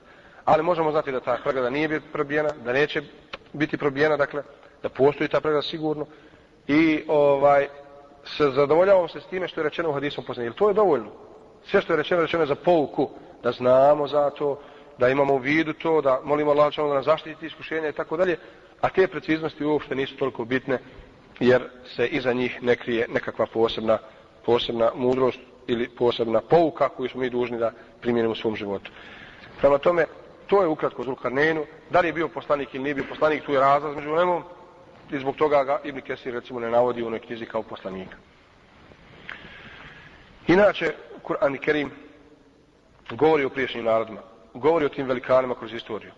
Upravo zbog toga što su ljudi po svojoj naravi skloni tome i tako je to, ili uče na, na onome što se desilo priješnjim narodima, uče o velikanima u istoriji i tako dalje. Mi, učeći Kur'an, imamo najveći izvor prije svega za istinske uzore. I imamo naj, bolji materijal za pouku. I sve ovo što nam se serviraju kao nekakvi podvizi, kao nekakvi, jel tako, vojni podvizi, naučni i bilo koji drugi, padaju u sjenu ukoliko priđemo ovim kuranskim istinama i kuranskim uzorima i kazivanjima o priješnjim narodima, civilizacijama koje su takve bile, o Adu i Semudu. To je nešto što je, što je nedokućivo, što predstavlja vrhunac, recimo. Čitave gradove su gradili tako ovi u stijenama. Salih, ali salam, narod. Tako, Semud i tako dalje. Gradili, zamislite, danas to još nije dostignuto takva tehnologija. Da se grade kuće, ulice, stanovi, dakle, sve potrebne radnje, sve što je trebalo skroz u brdu stijena. I danas postoje ostaci tih gradova takvih koji predstavljaju fenomen, koji predstavljaju čudo i tako dalje. E, zato vežući se za Kur'an, čovjek nema potrebe ni za romanima, ni za fantazijama, ni za naučnom fantastikom i tako nego ima sve to istinito onako kako se desilo istorijski u knjizi Allaha Đelešanu, opet radi pouke, radi ibreta. Zašto se da narod stradao, zašto je ta nacija stradala i tako dalje. Šta im je vrijedilo sve to, ti toliki stubovi. Oni su klesali u stijenama, oni su klesali opet kamenje od stubova pravili čudesa i tako dalje. I tako dalje. Eto, tu je vjernik, dakle, u prednost. Inače, i zato se treba stalno družiti sa Kur'an Kerimom, stalno čitati hadis i na takav način obnavljati sva ta saznanja i povezivati sve to sa dešavanjima u svijetu i vidjeti kako sve to se dešava tačno onako kako je to opisano u Kur'anu i hadisu poslanika sallallahu alejhi ve sellem. Moraš neko što? Često bi se učini znači Ja ostalo posebno ne dokućimo, možda je nauka nešto rada, radimo se na tom planu u vezi meta. I znamo ovaj da nije neko, Međutim, baš to je iz se kaže kad je to kad mi ide u zid, da preliju ga medom i da puni Nije medom. Nije med. Sad sam rekao to ti je, ne, ne, mijed, šta piše tamo? Šta je mijed? Dakle, nije to med, mijed, mijed, dakle, to, ti, to je ta mješavina željeza i bronze, jel? To je inače naučno dokazano da je to najbolji sastav, nije to med ovaj uopšte, nego mijed, dakle, mješavina, mješavina željeza i bronze. To je taj najjači materijal, naj, Pa jeste to, jedni kažu, rekao sam, kažu da se tamo nalazi ta stvarno jedna, jedna, jedna kako bi rekao, jedan lanac, jedna pregrada, prirodna pregrada takvog stijenja, od tog materijala koje je takvo i tako dalje, ali sve to kažem relativno i nama nije bitno Sad šta ako recimo bi mi otkrili tačno tu pregradu. Išlo da vidimo, jel? Ne bi bježali bi od njih.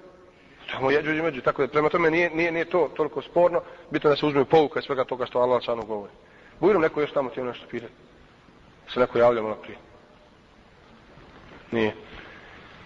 E, tako je to, dakle, uistinu smo mi dužni da iznalazimo načina, metoda, kako da se vežemo za ove motive. Kako da nam ovi motivi, ove slike i preznaka sudnjega dana i dženeta i džehennema budu jasnije, upečatljivije nego slike s televizora, nekog prizore sa ulice, nego s novina i tako dalje. Ne mogu nikako biti one jasnije, upečatljivije, djelotvornije nas, ukoliko ih neće biti više ovih slika i ovih scena i prizora, nego prizora sa ulice, prizora sa televizije, prizora iz novina i tako dalje. A ne može i biti ukoliko ne budemo više vremena provodili sa Kur'anom, nego s televizorom, sa hadisom, sa knjigom, sa dersovima, nego sa ulicom, sa svakodnevnicom i tako dalje. I zato je to, to nema drugog recepta. I stoga jeste poslanik sa sam rekao dnevno džuz, zamislite dnevno džuz. Pa moga mi nama koji slabo uči Kur'an na arapskom, velde, treba dosta za džuz, sat vremena. Pa još sat vremena pročita našem jeziku. Nije to baš jednostavno. Ali to je nešto. Nije nemoguće. Pa čovjek nastoji da se veže u početku koliko je stanje, pa stranicu, stranicu. Ali ne može sebi dozvoliti da prođe dan da ne otvori Kur'an. A to je vjernik. Jer na takav način će jačati sigurno. I onda čovjek kao vjernik kako više jača, kako više saznaje Allah Đelešanu njegov iman jača. Što je jačeg imana, sve mu Allah Đelešanu više otkriva. Do tije mjere da onda kaže poslanik sallallahu alejhi ve sellem ittaqu firasatal mu'min. Bojte se, čuvajte se pronicljivosti vjernika. Ne možete vjerniku lako podvaliti, ne možete mu slagati, ne možete mu, ne, vidi on gleda. Li ennehu e, yubsiru bi nuri kao kaže hadis poslanik sallallahu jer on gleda nurom Allaha dželle Allah vjerniku prosvjetljava pamet, um, misao njegov razum i on i vid njegov i tako dalje. I on vidi, zaključuje, promatra, prosuđuje nurom Allaha Đelešanu kojeg mu daje i ne da se tek tako prevariti, daleko više vidi, daleko ispravnije zaključke donosi i tako dalje i tako dalje. Eto, to je to. A ukoliko se samo bori da ne propusti namaz i taj namaz opet slabo zna šta je učio na njemu i tako dalje, to je samo ono drži vodu dok vator ne odu. Ništa o to. Nego čovjek obračunava se samim sobom, odnosno testira svoj iman, svoje srce, kontroliše ga, zna on dobro kad ima napreduje, a kad jača, odnosno a kad slabi i tako dalje. I to je to znači način metoda, kako, na koji način nekome više odgovara čitati knjigu, nego više doći na ders, nego, nekome više otići kod čovjeka koga cijeni, pa se poselaviti sa njim, porazgovarati, pitati pitanje tako dalje, ali uglavnom nema nikog ko želi da ojača svoj iman, a da ga Allah Želešanhu neće uputiti na način kako će to postići kako će to razvirati. Bujno. Ono, ovaj onaj ko se okrenu od spomena na mene, zikra, kaže, na mene kaže, učinit će mu život teškim i na onom dan ćemo ga, kaže, proživiti slijepim. Na koga se to misli i kakav bi to ovaj, bit zikrije? Kaže, on arada an zikri. ومن أعرض عن ذكري فإن له معيشة ضنكا ونحشره يوم القيامة أعمى To je već to pitanje koje nikako da se poveže kad se kaže zikri. Kaže Allah šanu, man a'radan zikri. Ko se okrene od, od zikra moga, odnosno od sjećanja na mene, od spominjanja mene, od zikra. Ko se okrene od zikra. Kaže, fa inna lahu ma'išatan danka, zaista će on živjeti tjeskobnim životom. I to je ono što sam vidio na zapadu, eto zadnji put sad u Švedskoj. Uistinu to se vidi, ta tjeskoba duhovna se vidi na svakom od njih. Ta, ta patnja, na licu svakom se od njih vidi. On jedva čeka tu subotu i nedelju i dobro, oni kažu petkom, najveće već počinju pit i subotu cijeli dan pjani. A nedelju se treznju da bi na poslu došli trijezni, na poslu nema, nema mrdat, nema kod njih šveranje i tako dalje. I to im je sve. To im je sve. Nema ništa u njega, nema mjesta ni za djeteta, nema mjesta ni za familije, nema mjesta za roditelja, nema, nema, nema, nema za suprugu, ništa tako smiješno je to ču. imat suprugu, ženicu i ludaca i tako dalje, to je za njih smiješno. I onda pati. Pati, pati, pati. I svi koji su tamo naši ljudi došli i poistovjetili s njima, sa njihovim životom, isto to osjećaju. Pati. Više nego ovdje, što su patili. I onda se pokušavaju vratiti, jer i tako dalje. Eto, to je to, dakle. Onaj ko se okrenu od Allaha općenito, ko zaboravi Allaha, ko ne sedi njegov put. A što se upotrebilo reći zikr, zikri. Zikr je upravo ta riječ koja obuhvata svaki vid kontakta sa Allahom čanom. Svaku vid. I namaz, i zekat, i hodanje, i smijanje, i sve ako si, si u, dakle, prisvijesti da te Allah šanu dao, da trebaš samo da zahvališ, da gledaš svojim postupcima da ne uradiš haram i tako dalje. A konačno i sam zikr, pojem zikra, ja sam to objašnjavao više puta, jeste do u detalje pojašnjen praksom poslanika sallallahu alejhi ve sellem. Poslanik sallallahu alejhi rekao da ono što se zaokruži halkom zikra, halkom. I sad u nas kad se kaže halka zikra, to je tekija i to je ta halka. I gotovo. I nema drugog zikra. Naprotiv, nije bilo tekija za vrijeme poslanika sallallahu alejhi ve sellem. Bile su mešćid džamije, nije bilo tekija. I nije bio to takav zikr. Nego halka je halka, evo vi ste ovdje sad halka, evo prvi krug, pa drugi krug, tako dalje. To je tako. Jer ljudi po svojoj naravi kad sjednu dvojica jedan prema drugom sjednu, treći dođe opet se okrenu i eto napravi halku. I tako dalje. I ashabi su se sastajali zbog Kur'ana, zbog hadisa, odnosno u njihovom govoru nije bilo prazne priče. Pa kad se sastanu u halku sjednu, onda je to, jesi li čuo kad je poslanik sam rekao ovo, jesi li čuo ono i tako dalje. Ako je o dunjalskim stvarima, to onda umjereno, što kraće, ono što je normalno, ove godine rodilo voće, nije rodilo, ne znam, poljoprivreda slaba, kiše je bilo suša, to su normalne stvari ali inša Allah, Allah će dati tako dalje, subhanallah, Allahovog ibrata, i tako da stalo, subhanallah, alhamdulillah. I onda, kad se završi ta tema, kada kad neko govori, normalno, jel, nema ono šutnje. Šute, ne. Nego svak za sebe, poluglasno.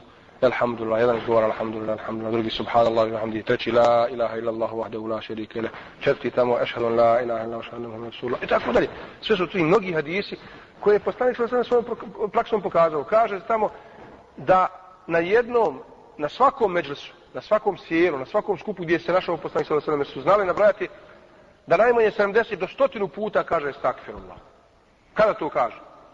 Je li u govoru kada se obraća? Ne nego baš ono kada je zatiši, kada je kao pauza.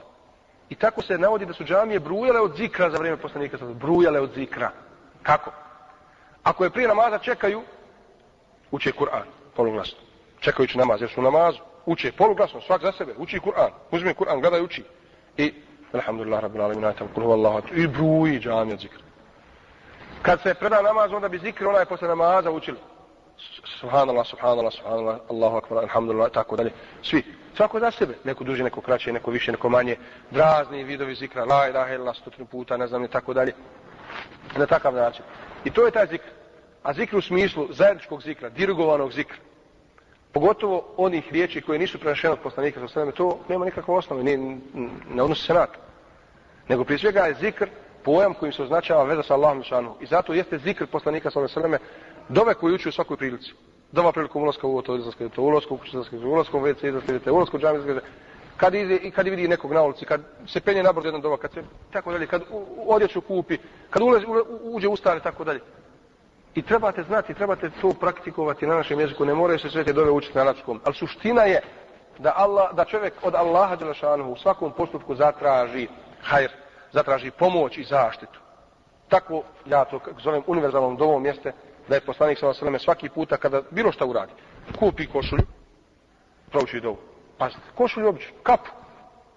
Allahu dragi, ja od tebe tražim hajr koji se nalazi u ovoj kapi, u ovoj košulji, u ovom autu, u ovoj kući, u bilo čemu. A kod tebe tražim utočiti zašto od zla koje se u njoj nalazi. I tako univerzalno za sve. Za sve. Što čovjek kupi, što dobije, čim se sretne i tako dalje. I to je taj zikr. A onda je zikr, zajednički zikr, gdje ljudi dolazi u džamije baš zbog zikra. Ili na kućama na sjelu, kući na sjelu. Kaže poslanik sa svako sjelo je prokleto i bit će svedok protiv nas. Iz onog sjela u kome se spominjao kuranski ajet, spominjao hadis poslanika sallallahu donosio salavat na poslanika sallallahu tako je zikr činio. Allahu dželle šanu, spominjao se Allahu šanu. E to je zikr, to je pojam zikr. I svi ti hadis koji se odnose na halku zikra jesu, dakle, te, te takve vrste halke, halke zikra koje je radio poslanik sallallahu sa sahabima. I tamo hadis koji kažu kada zaokruže to da je to taj prostor koji je zaokružen halkom džennetska bašća na ovom svijetu i tako dalje, da meleki prekrivaju krilima. E to je večeras, to je ovdje sad, momentalno ovako, inša Allah ta'ala.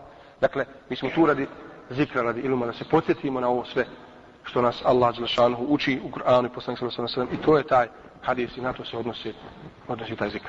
Onaj koji se okreni, koji zaboravi na Allaha Đelešanuhu, normalno ne pristuje ovakvim dersovima, nema ništa od namaza, nema ništa od tih dova i tako dalje, ali ima tu tjeskobu u grudima, tu šizofreniju, to ludilo, to samoubistvo, to te tablete za smirivanje živaca i tako dalje i tako dalje.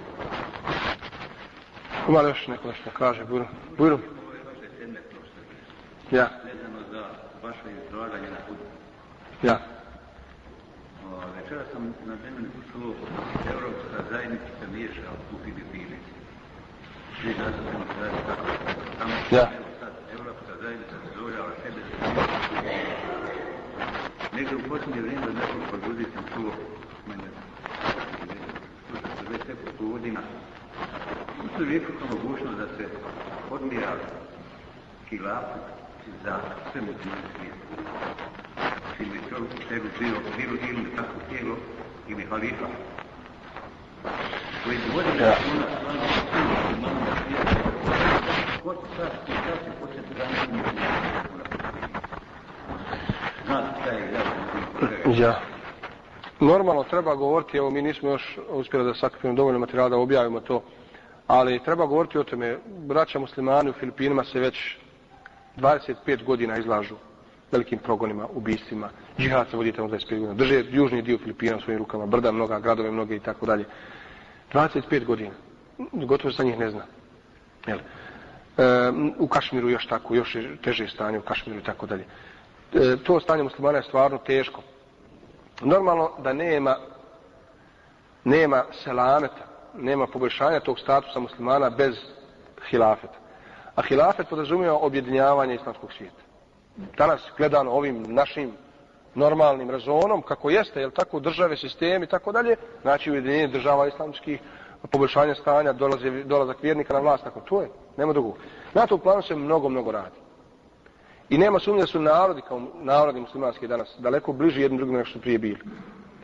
I postoje razni pokreti, razne organizacije, razne asocijacije, koje su nevladine institucije, koje na nivou naroda šire tu ideju o sposobno, o potrebno, o, o neophodnosti uspostavi hilafeta i tako dalje. To je nešto što, recimo, Arbakan je jedan tih koji je došao na vlast s tom idejom, pa je pozivao snimanje jedinstvenog islamskog tržišta, jedinstvene islamske valute, pa je ta, to tržište ili taj, to udruženje, ovaj, tu uniju islamskih zemalja osnovao ekonomsku, jel, tržišnu, tamo u, u ovaj, Maleziji, Indoneziji i tako dalje, pa su onda ekonomije tih zemalja srušene još i tako. Dakle, na to se ulaže mnogi napor, mnogi trud, ali je bolest velika, daleko je to. Ja sam siguran da neće prestati, ne da će nas ovdje, sve dok ne bude uspostava hilafeta, dok ne budu islamske zemlje objedinjene i imale jedinstvenu vojsku, jedinstvenu ekonomiju i, zašti, i štitile svoje građane kao što. Recimo da je ovdje kod nas, da je Turska samo kakva treba islamska zemlja, samo da je kazala Srbiji, pss, ne bi Srba pisno smijela, Srba, Srbija pisno smijela, tako. Pored sadašnje Turske koliko je, koliko je jača od jedne Srbije. Ali nema toga, normalno. E sad, to je proces. Nemoguće je, nema ništa od hilafeta sa nama ovakvima kakvi jesmo. Koji glasaju za komuniste, koji krma dokreću na ražne muslimane, nema tog ništa. A i mi smo dio tog umeta. E tako je i općenito na svijetu. Prema tome, glavni problem jeste u izmjeni stanja muslimana, pojedinačnog. Zato svako od nas koji uspije sebe da preodgoji, nekog od svoje porodice, nekog od svojih komšija je puno uradio na uspostavi hilafeta. Jer kako se povećava procenat vjernika, svjesnih vjernika, tako postaje veća šansa za uspostavu hilafeta i objedinjavanje islamskih zemalja i snaga i potencijala islamskog svijeta i rješavanja, konačnog rješavanja tih problema u kojima se nalazi musliman danas. A bez toga nema ništa. Dok god još muslimani u prosjeku u svijetu ne klanju više u procentu od 20%, pet fakata namaza, a namaz temelj dina, nema tu puno selameta. Ali, taj proces nije dalek, nije nemoguć. Naprotiv, je toliko lahak i brz, samo koliko muslimani krenu. I kada bi se mi svi dali da radimo za svoju vjeru, koliko radimo za sebe, čuda bi napravili na ovom prostoru. Čuda. i pomalo obrnutu situaciju, da bi ljudi, ljudi u svijetu, muslimani, vodili računa o islamu daleko više nego što je sad ovako razrednije. Pa kažem, ali nemoguće je to jedinstvo da dođe bez muslimana, bez materijala. Apsolutno, sada je yes. potpuno, hoću da kažem da bi se svaki pojedinac mijenjao kad bi se sumirali tako tijelo i kad bi se vidio utjecaj toga tijela na kompletno... Normalno, normalno. Dakle, ono što, što, što, što, što se može zakonom riješiti, se počesto teško rješava ovako dobrovoljno i nezvanično. Ali kad bi se uspostavila islamska vlast, onda bi mnogi bili muslimani silom ili milom. Tako je gotovo. Ne bi bilo golotinje, ne bi bilo alkohola, ne bi bilo ovoga, ne bi bilo onoga i tako dalje. To je činjenica. Ali kažem, dok mi ne uradimo kao muslimani ono što možemo, samo ono što možemo, nema se lame. A sigurno da možemo više nego što sada trenutno radimo. I mi ovdje u Bosni, tako i naša braća u svijetu i tako dalje. Jel vrijeme je za ano? Bujru. Subhanak Allahumma, nešadu ne lenta, stakvirka na tubu ili. Salamu alaikum.